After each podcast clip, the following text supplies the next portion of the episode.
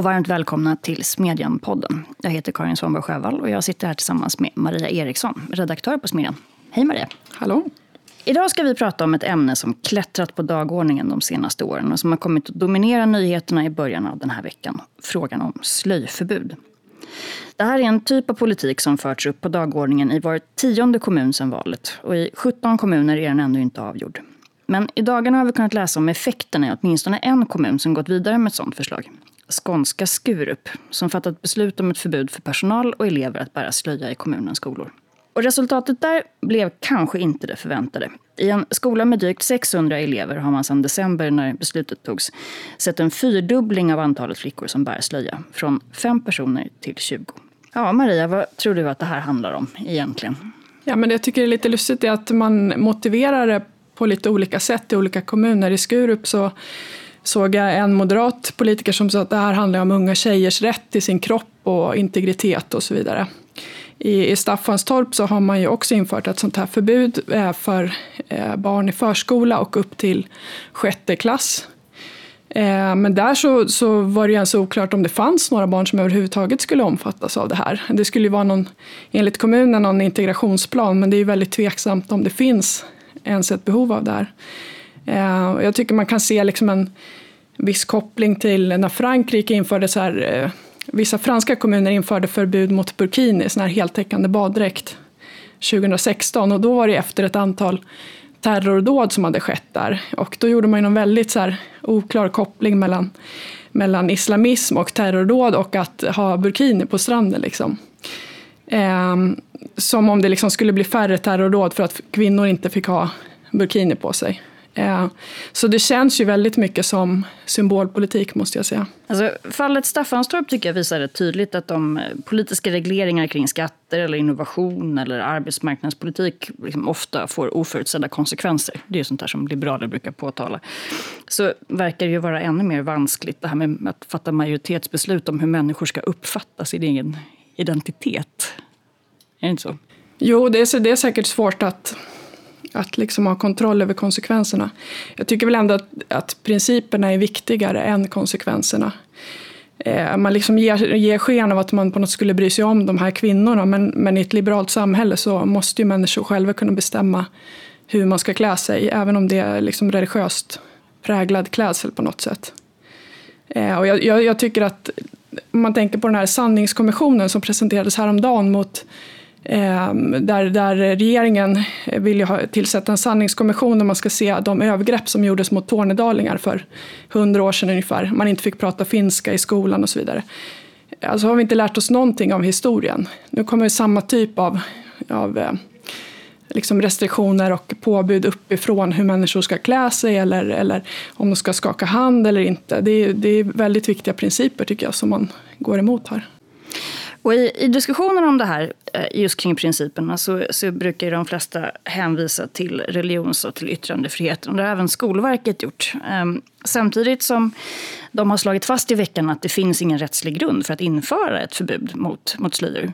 Så poängterar de också att det är utifrån hur läget ser ut idag. De säger också att om det skulle vara så att en riksdagsmajoritet skulle fatta beslut om någonting annat så går detta att ändra. Men att det liksom i dagsläget inte föreligger någon sån här rättslig grund. Och det fick mig att fundera lite grann på, så här, är det inte i själva verket det som är syftet? Eller motivet för många av de här kommunerna? Att det man vill ha är man vill provocera fram en en, en, liksom en, en reaktion på, på riksnivå. Att det här kanske inte alls egentligen handlar om att lösa några liksom, lokala problem. Ja, det är frågan om man har tänkt så långt eller om det handlar mer om populism. Men jag vet inte, vad, vad tror du? Är det ens möjligt juridiskt? Är inte det här, religionsfriheten är väl en del av, av grundlagen så att säga? Jo, men eh, den svenska så kallade konstitutionen är ju också exceptionellt töjbar om man jämför med hur det ser ut i ganska många andra länder. Så åtminstone som jag tolkar Skolverket så skulle det vara möjligt att, att göra lagförändringar som skulle möjliggöra för ett förbud om man vill det. Kanske inte på vilka grunder som helst, men att det här är inte några absoluta rättigheter utan det är töjbart. Eh, på ett sätt som jag tycker förstärker min egen syn av att vi generellt sett har ett, ett problem i det här landet i, synen på, på fri och rättigheter. Mm. Jag tänker också så här, i, i Sölvesborg, som har varit ett exempel som har varit uppe rätt mycket, där finns det nu en SD-ledd koalition som citat, vill motverka plagg som förknippas med religiösa eller kulturella förväntningar, särskilt riktade mot kvinnor. Eh, och den här riktlinjen slår ännu bredare än de i Skurup som vi diskuterade tidigare. Här gäller inte bara skolan, utan det gäller även alla anställda i hela kommunen. Eh, och det, vilket ju då i praktiken skulle innebära att kvinnor som bär slöja inte skulle kunna få jobb. Och där kan man väl dels fundera lite grann på hur det i sig liksom påverkar integrationen men också vilken signal det skickar till muslimska kvinnor som både vill utbilda sig och, och arbeta. Jo, absolut. Det, det verkar ju kontraproduktivt. Och det, det var ju lite som det här handskakningsförbudet i, i Trelleborg. Det han, gällde ju också anställda personer som, eller förlåt, inte förbud, alltså man är tvungen att skaka hand för att kunna bli anställd i Trelleborgs kommun. Eh, och, eh, men, men även där så var det så här, man har så vitt jag förstår inget problem med att folk inte vill skaka hand, utan det är liksom ett påhittat problem som man vill markera på något sätt. Sen tycker jag väl i sådana här influensatider att det verkar ganska bra om folk inte skulle skaka hand, så att det kanske är någonting att ta efter. Nu tänker mer att man ska se det här ur ett hygieniskt perspektiv. Ja, precis. Principiellt. Exakt. Men en sak som återkommer är ju att det är ganska ovanligt att man att diskussionerna tar sin utgångspunkt i, i det individuella exemplet. Man, man drar väldigt ofta människor över en kam. Och Inas Hamdan, som är verksam som liberal opinionsskribent, krönikör i Sydsvenskan och student i politik, filosofi och ekonomi vid Lunds universitet, har skrivit en text för oss på just det här temat. Eh, och jag pratade med henne på en sprakig lina tidigare i veckan. Hej Inas, hur står det till? Hej Karin, det är bara bra. Du har ju skrivit en väldigt personlig text först om du som muslim valde att börja bära slöja innan din familj tyckte att du var redo för det. Och därefter valde att sluta bära slöja mot åtminstone delar av din familjs vilja. Eh, mm. Skulle du kunna börja med att säga något helt kort om vad det var som lockade med slöjan? Om du skulle fråga 13-åriga Ina om vad det var så skulle hon sagt att det, det var det religiösa, att hon ville fullborda sin uppdrag som muslim. Men Eh, Eh, jag skulle säga idag med ett eh, vuxet perspektiv att det var mer eh, en vilja att anpassa mig till normen som jag kände av väldigt mycket i min omgivning. Majoriteten av kvinnorna som var i vuxen åldern omkring mig hade på sig slöjan och slöjan sågs som en del av vägen mot vuxenlivet. Så att inte vilja ta på sig slöjan var, kändes för mig som en ovilja att ta livet seriöst, att visa att man fortfarande är omogen. Och som många unga andra så ville jag ta seriöst, jag ville vara mogen. Och eh, slöjan alltså, kändes som det sättet för mig att uppnå det. Så därför mm. så kände jag att det var en självklar del av att växa upp. Och eh, jag ville anpassa mig till alla omkring mig och vara som dem för att det, det, det, så, det var en sak som alla gjorde helt enkelt. Men det var inte alla som, eh, som bara gjorde vågen? Ja, eh, så det fanns ju vissa som inte hade på sig slöjan och de som jag mest såg utan slöja var lärarna i skolan. Eftersom alla andra i skolan var muslimer och eh, vände sig mot slöjan, alltså ville ha på sig den och så. Men det var lärare och läraren frågade alltså om jag verkligen kände att det här var rätt beslut och jag blev faktiskt rätt så upprörd. Men sen kom det plötsligt en dag när du började omvärdera det här beslutet. Vad var det som drev dig att, att ompröva? Jag växte upp i en väldigt segregerad område av Malmö. Det var därför jag först fick för mig att jag eh, ville ha på mig slöjan och att det var en stor norm. Men ju äldre jag blev, jag skulle just sluta grundskolan, så började jag ta del av generella samhället, det osegregerade samhället eller som man brukar kalla det, det svenska samhället. Och då jag började ta del av att läsa böcker som jag innan inte fick låna från biblioteken eller inte kunde läsa. Jag fick tillgång, tillgång till nätet, vilket gjorde så att jag kunde ifrågasätta väldigt mycket. Jag kunde söka om mina frågor utan begränsningar och verkligen analysera det själv. Och slutligen så, jag växte upp med en väldigt stark eh, norm om att vi, vi i min familj ska bry oss väldigt mycket om skolan först och sedan kommer traditionen och det hjälpte mig att kunna tänka efter och eh, resonera om de normerna jag hade växt upp med verkligen passade mig. Du eh, skriver ju också om att du, eh, apropå internet, att du, när du började fundera över huruvida det här verkligen var någonting som du ville göra eller inte. Att du, hade, du gav dig ut på nätet och började försöka hitta svar på, på den frågan. Om hur det kom sig att kvinnor men inte män behövde ha slöja. Eh, kan du berätta lite mer om, om den erfarenheten, den upplevelsen som du hade då? Internet var för mig först ett sätt att verkligen eh, försäkra mig om att jag hade gjort rätt, eh, rätt beslut och jag ville få de argumenten som visade att jag hade rätt. Men jag kommer ihåg mest eh, e-, e-, en gång där jag sökte like why do women have to wear the hijab but not men? Och det första som kom upp var en man, en muslimsk predikant vid namnet Zakir Abdul Karim. Jag kommer ihåg hur han predikade till tusentals män framför honom. Han sa att jo, min kvinna, hon är ju en diamant och man skulle ju inte lägga ut diamanten var som helst för annars kommer den bli stulen. Och det var i samma, alltså det var samma eh, retorik som jag hade hört hela mitt liv, men första gången så hörde jag det från en man i ett rum med bara män som nickade med och det kändes som om jag blev talad om istället för att jag fick ha mina egna åsikter och det kändes väldigt konstigt att höra män prata om någonting jag trodde var mitt beslut. Så det, det fick mig väldigt mycket att ifrågasätta om det verkligen var mitt beslut eller om jag hade följt en norm och ett tankesätt som kom från patriarkala strukturer och grunder. För det leder oss väl in på, på den frågan som jag tror är liksom underliggande i mycket av debatten om, om slöja överhuvudtaget, nämligen om man kan uppfatta frågan om, om slöjbärande som ett sätt att, att kontrollera kvinnor helt enkelt. Kan man som kvinna så att säga, frivilligt underkasta sig en, en sån praxis? problematiken ligger i att om vi kollar på länder som Iran, Saudiarabien, där är ju svaret nej. För att även om du väljer att eh, ta på dig slöjan så kan du inte välja ifrån den. Så det, det, man kan inte riktigt säga då att kvinnorna har gjort beslutet att ta på sig slöjan. Men i Sverige och i västvärlden, där är det absolut så att det finns väldigt många kvinnor som eh, gör det beslutet självmant och känner verkligen att de har gjort det beslutet eh, på grund av deras övertygelser. Vissa av dem kanske är som mig, att de bodde i segregerade områden, vilket verkligen satte in den där normen hos dem. Men andra kanske bara sökte till, till sig informationen och kände att det var en del av deras identitet. När det kommer till slöjan, det finns väldigt mycket litteratur och tankesätt och perspektiv på den. Och eh, vissa ser det även som en del av tradition istället för en del av religion. Och därför så känner vissa kvinnor att ja, men jag känner mig som en traditionell muslim. Därför vill jag visa det genom slöja. Det blir som en vilken klädsel som helst. Men sedan såklart så finns det många kvinnor som är strikta i många länder, även i västvärlden.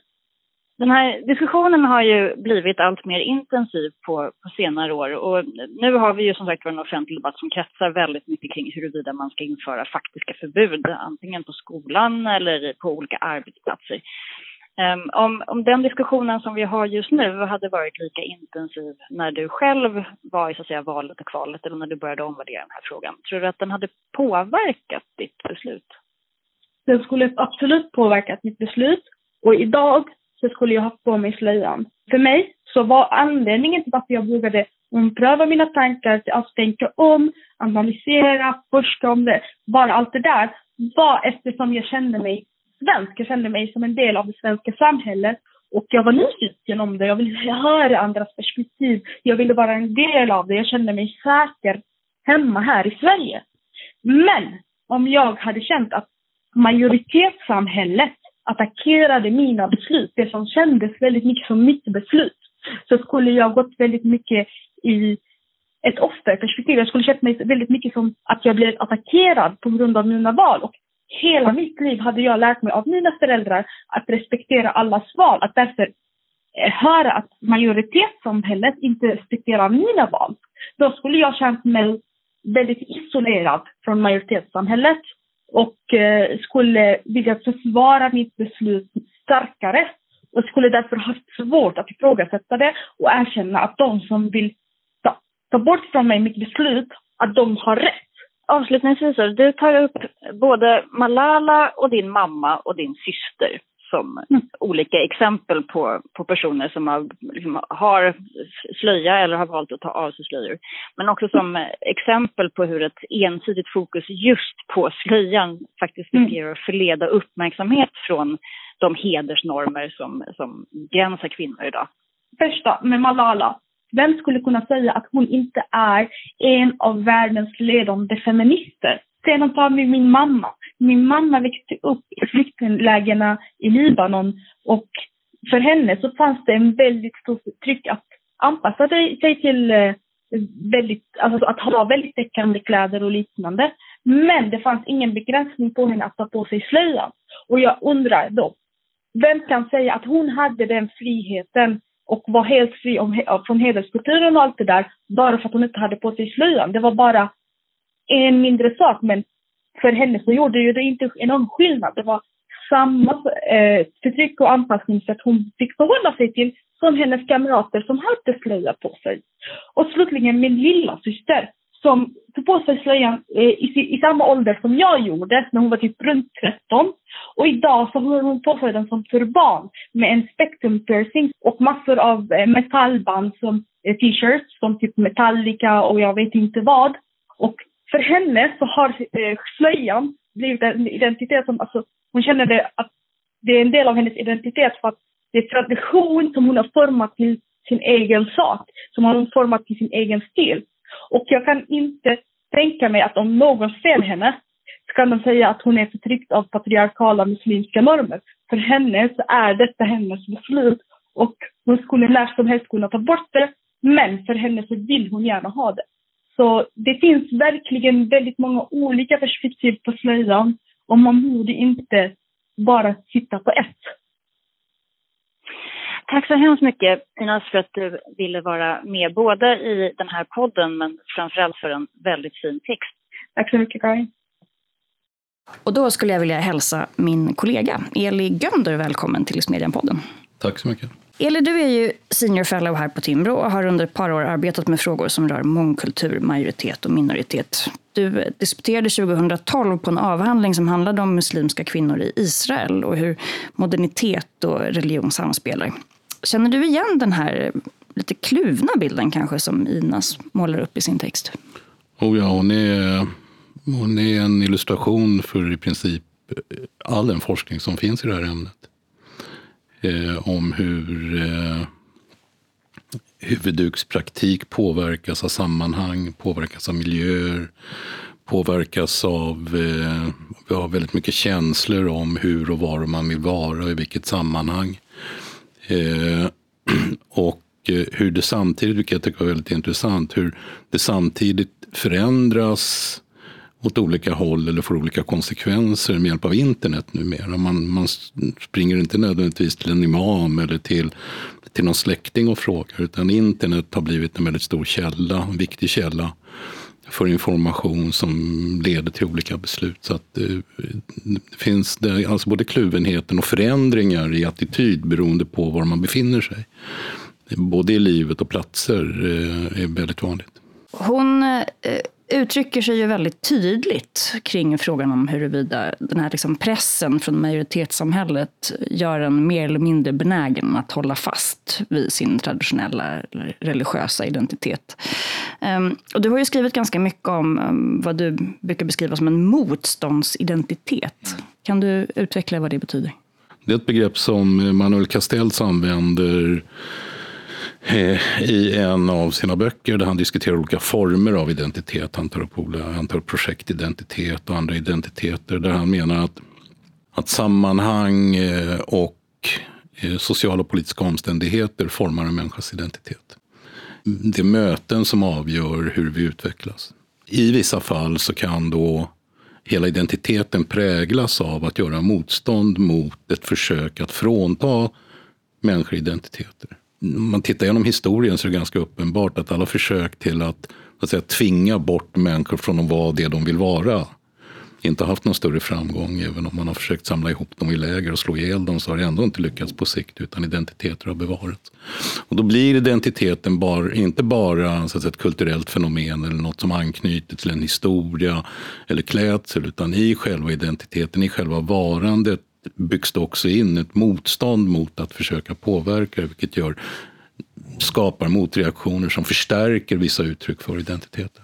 För det finns tror jag en, en föreställning bland ganska många om att eh, om man kommer från ett land där den här typen av religiösa eller kulturella praktiker har varit starka och så kommer man till ett sekulärt land som Sverige, då kommer man automatiskt att sekulariseras. Men Inas beskriver i sin text eh, en motsvarande process som den som jag tror att du undersökte i en avhandling, nämligen att, att kvinnor eh, med en sån här bakgrund som, som tar sig helt andra friheter än vad deras mammor någonsin har haft inte alls nödvändigtvis väljer att avsäga sig varken slöja eller andra religiösa praktiker utan att det tvärtom kanske ibland snarare är så att i det här mötet så, så förstärks viljan av att, och att hålla fast vid den identiteten samtidigt som man inte är beredd att göra avkall på möjligheter till, till ökad självständighet kring utbildning eller jobb. Nej, så är det ju. Alltså jag tror att det är flera saker som spelar in i, i beslut och val. Eh, dels är hon väldigt tydlig med att hon lever i ett sammanhang som, eh, som eh, en social omgivning som signalerar förväntningar till henne som gör att hon fattar vissa beslut och dessutom att den här sociala omgivningen som hon lever i också skapat någon slags norm som innebär att bli vuxen har ju kopplat till det här. Och så. Eh, så där kommer vi till eh, frågan om när man flyttar, vad är det för sammanhang man hamnar i? Eh, om man flyttar till Sverige och bor eh, med en majoritet av likasinnade i ett väldigt segregerat område eh, så är risken att, eller sannolikheten att att vissa normer reproduceras ganska stor. Om man däremot hamnar ganska ensam i en annan miljö som är väldigt sekulär eller för enkelhetens skull, vi kan kalla det för svensk och så.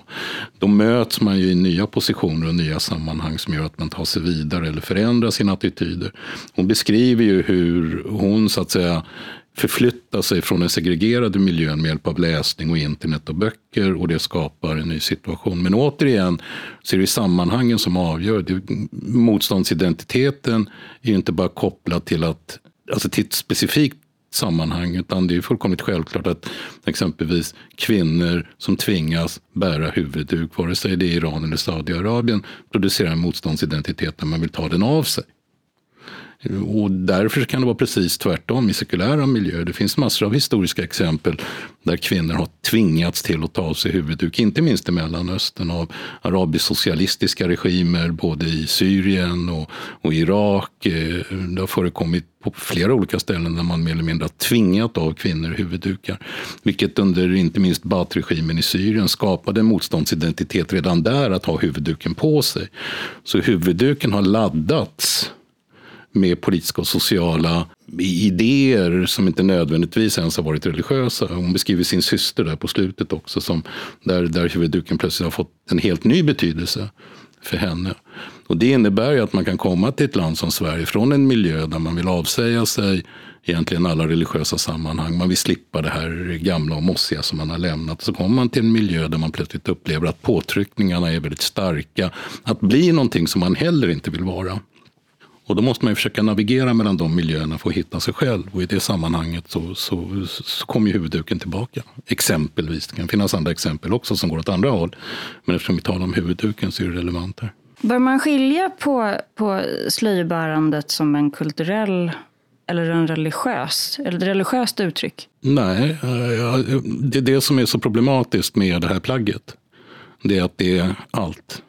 Det, det, är helt och hållet beroende av dels personen i fråga som bär Om vi tittar på USA exempelvis, där vi har en annan situation. där eh, Vi har totalt en procent av hela den amerikanska befolkningen är muslimer. 50 procent av den delen är afroamerikaner.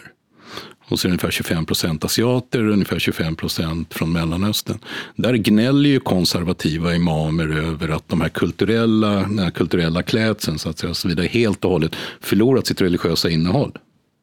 En, en väldigt liten grupp har alltså mer eller mindre assimilerats in i en amerikansk miljö för att man liksom inte har något alternativ. Och det innebär ju att huvuddukens betydelse i de sammanhangen förändras.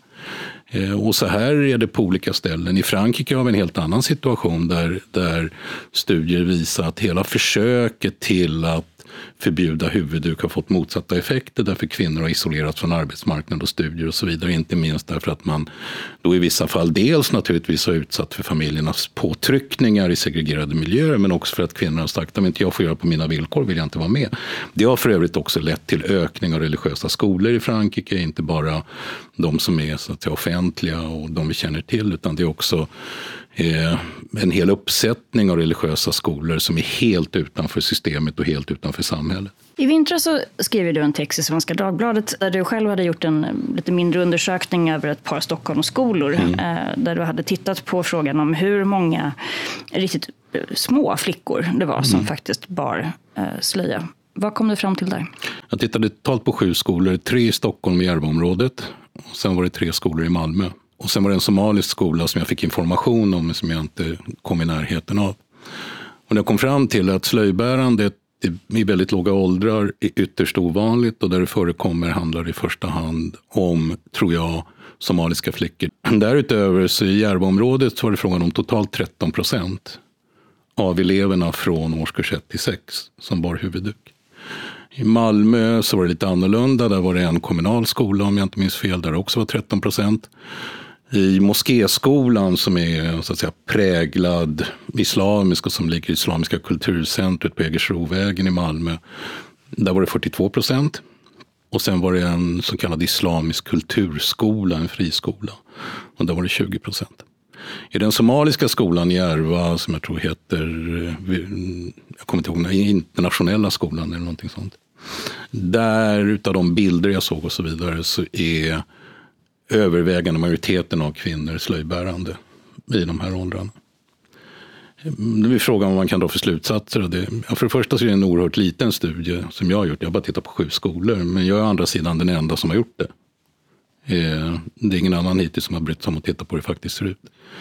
Men det man kan se då i Järvaområdet i de här skolorna det är att majoriteten av de föräldrar som bor i det området har tydligt bestämt att inte klä sina flickor i huvudduk på det här sättet. Man har signalerat väldigt tydligt att man inte ger huvudduken den betydelsen som den hade i hemlandet. Kyskhet, eh, kontroll och så vidare. Nu. Studien är inte gjord över tid. Så jag har ingenting att mäta mot förr och efter. Men i dagsläget så är 87 procent av föräldrarna en väldigt tydlig signal till de andra att ni som är minoritet, ni har missuppfattat det här. Ni är 13 procent som tycker fel.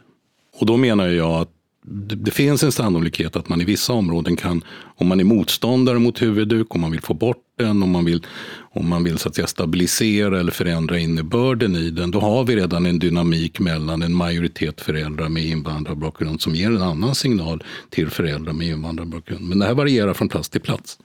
Norrby exempelvis, den senaste studien som gjordes i Borås, den visar ju på helt andra siffror och helt andra situationer. Ehm, och det finns liknande fenomen eh, i, Malmö också på andra ställen i Sverige. Så jag tror att man måste titta på, på varje område för sig och försöka skära det också på en nivå att man tittar på olika folkgrupper och så. Därför jag tror det varierar däremellan.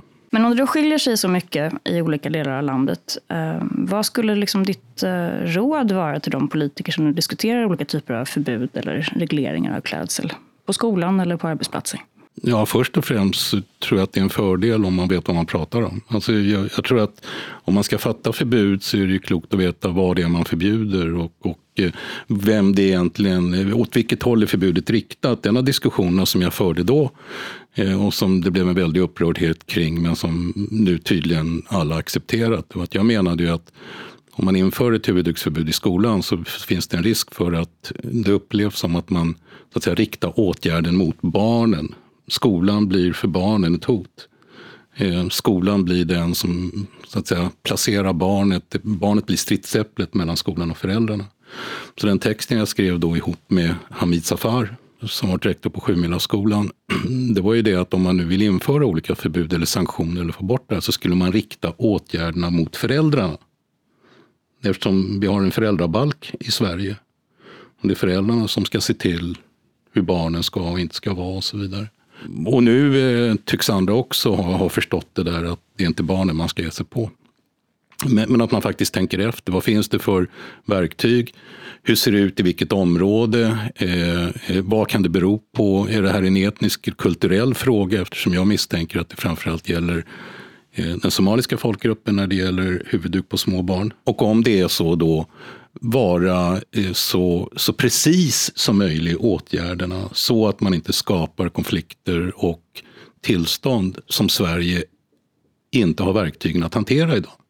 Det är så mycket annat som vi inte klarar av att hantera ändå, så det är, synd, det är onödigt att skaffa ännu mer situationer som man inte kan hantera. Men ett förbud är ett ganska trubbigt verktyg?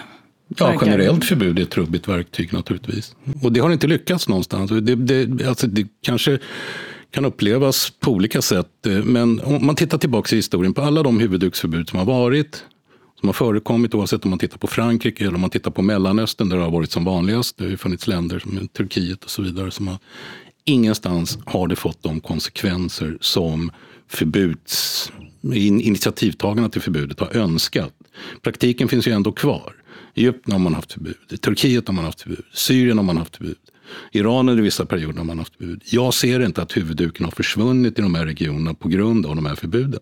Och med dessa ord måste vi dessvärre runda av en debatt som jag i och för sig inte tror kommer att upphöra den här veckan. Varmt tack tyvärr. till dig Eli för att du kom hit och tack, berättade mer. Varmt tack också till Maria. Varmt tack till er som lyssnar och läser.